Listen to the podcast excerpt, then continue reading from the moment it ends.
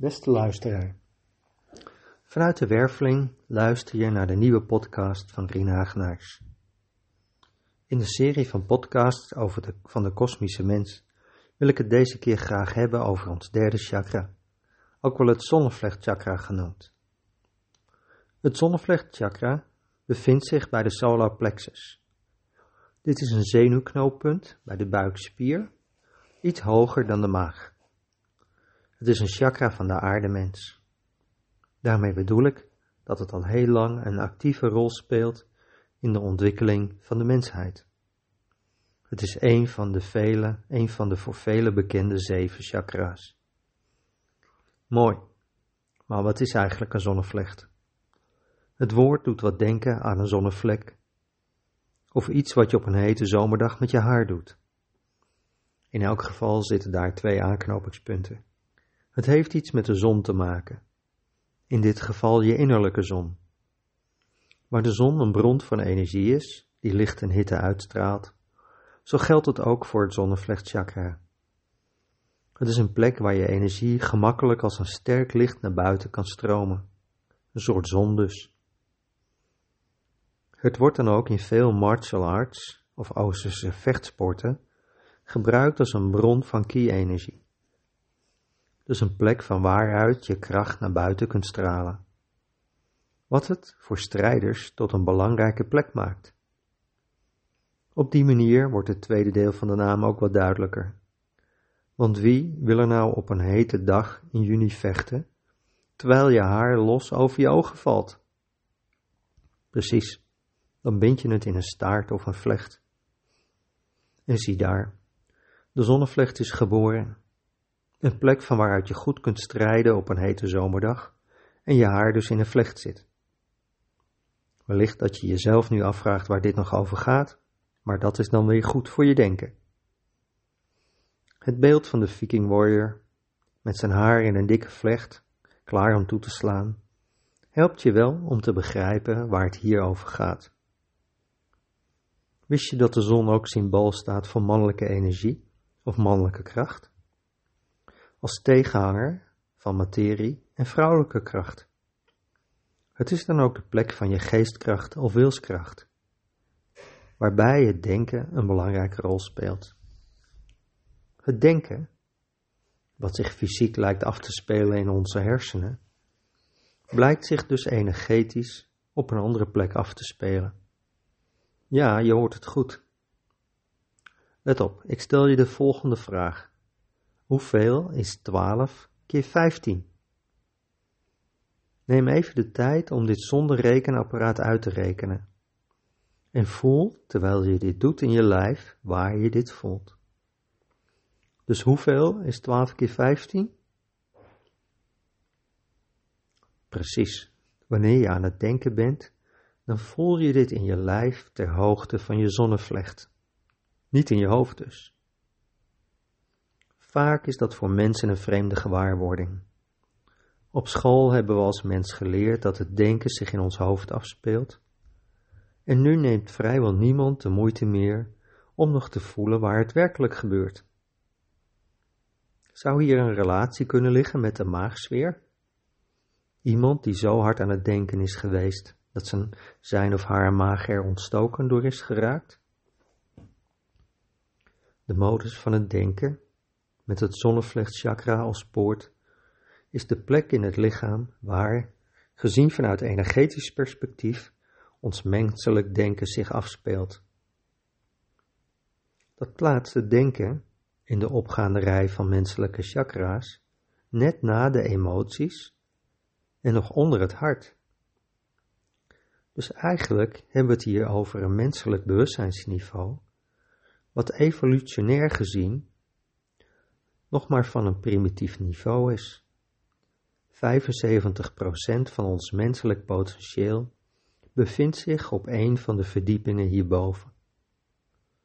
Anders gezegd, het zal nog wel even duren alvorens we als mensheid wereldwijd ons potentieel volledig hebben ontwikkeld.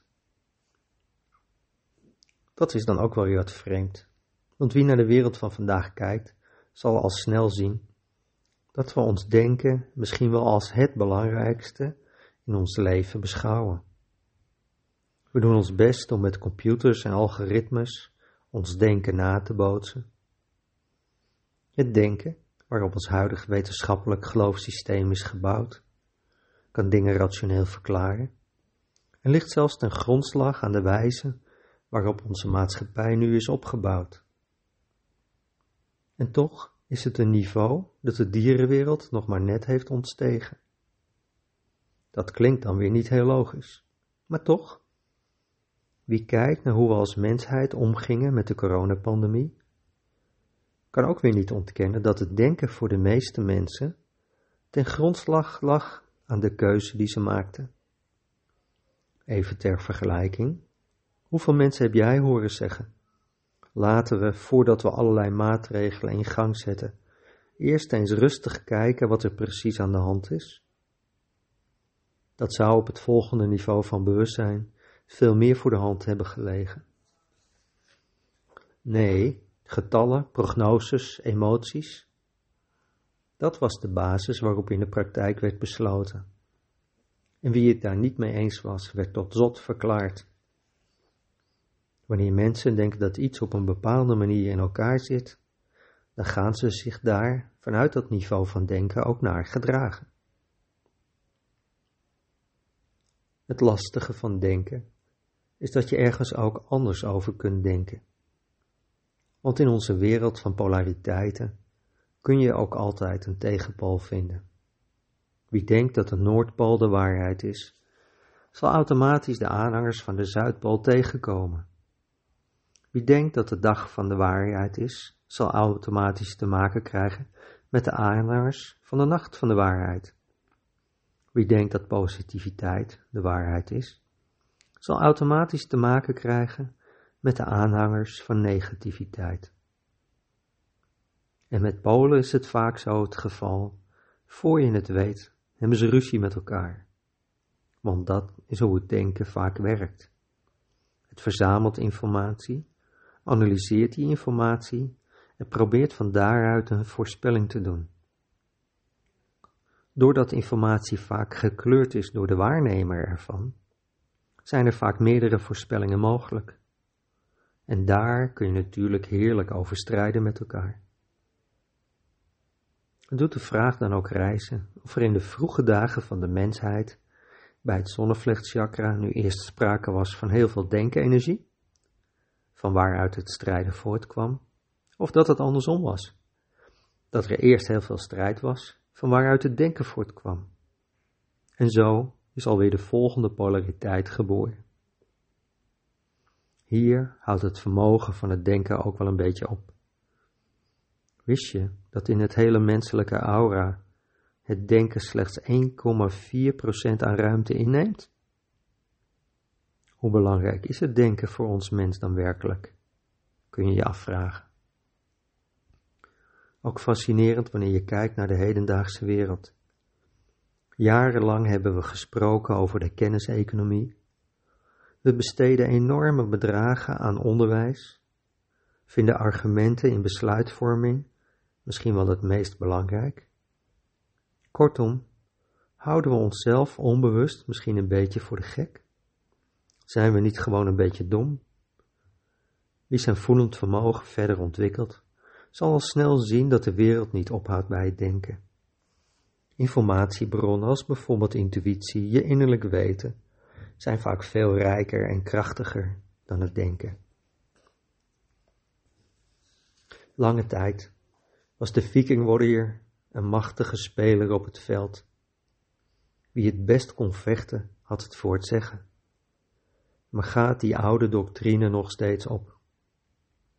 Alhoewel het strijden in veel delen van de wereld nog steeds intensief wordt beoefend, lijkt er toch wel sprake van een kentering.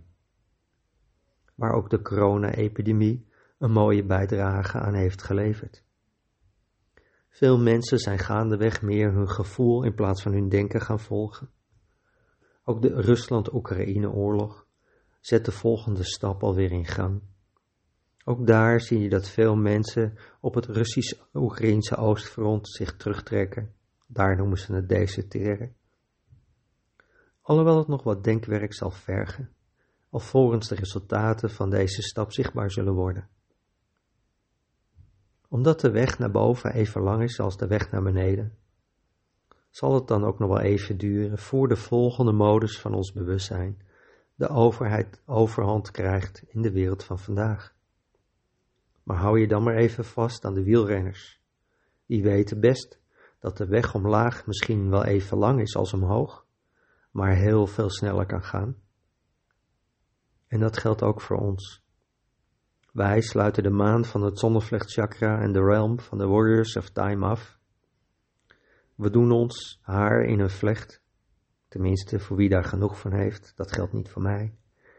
En we maken ons op voor de volgende realm. We naderen de realm van de alchemisten, waarin het hartchakra centraal staat. Meer daarover kun je horen in onze volgende podcast. En heb je vragen naar aanleiding van deze? Kijk dan eens op www.hetmagischhart.nl of kom een keertje langs in de werveling. Ik dank je voor je aandacht en dan hoor je de volgende keer graag weer terug.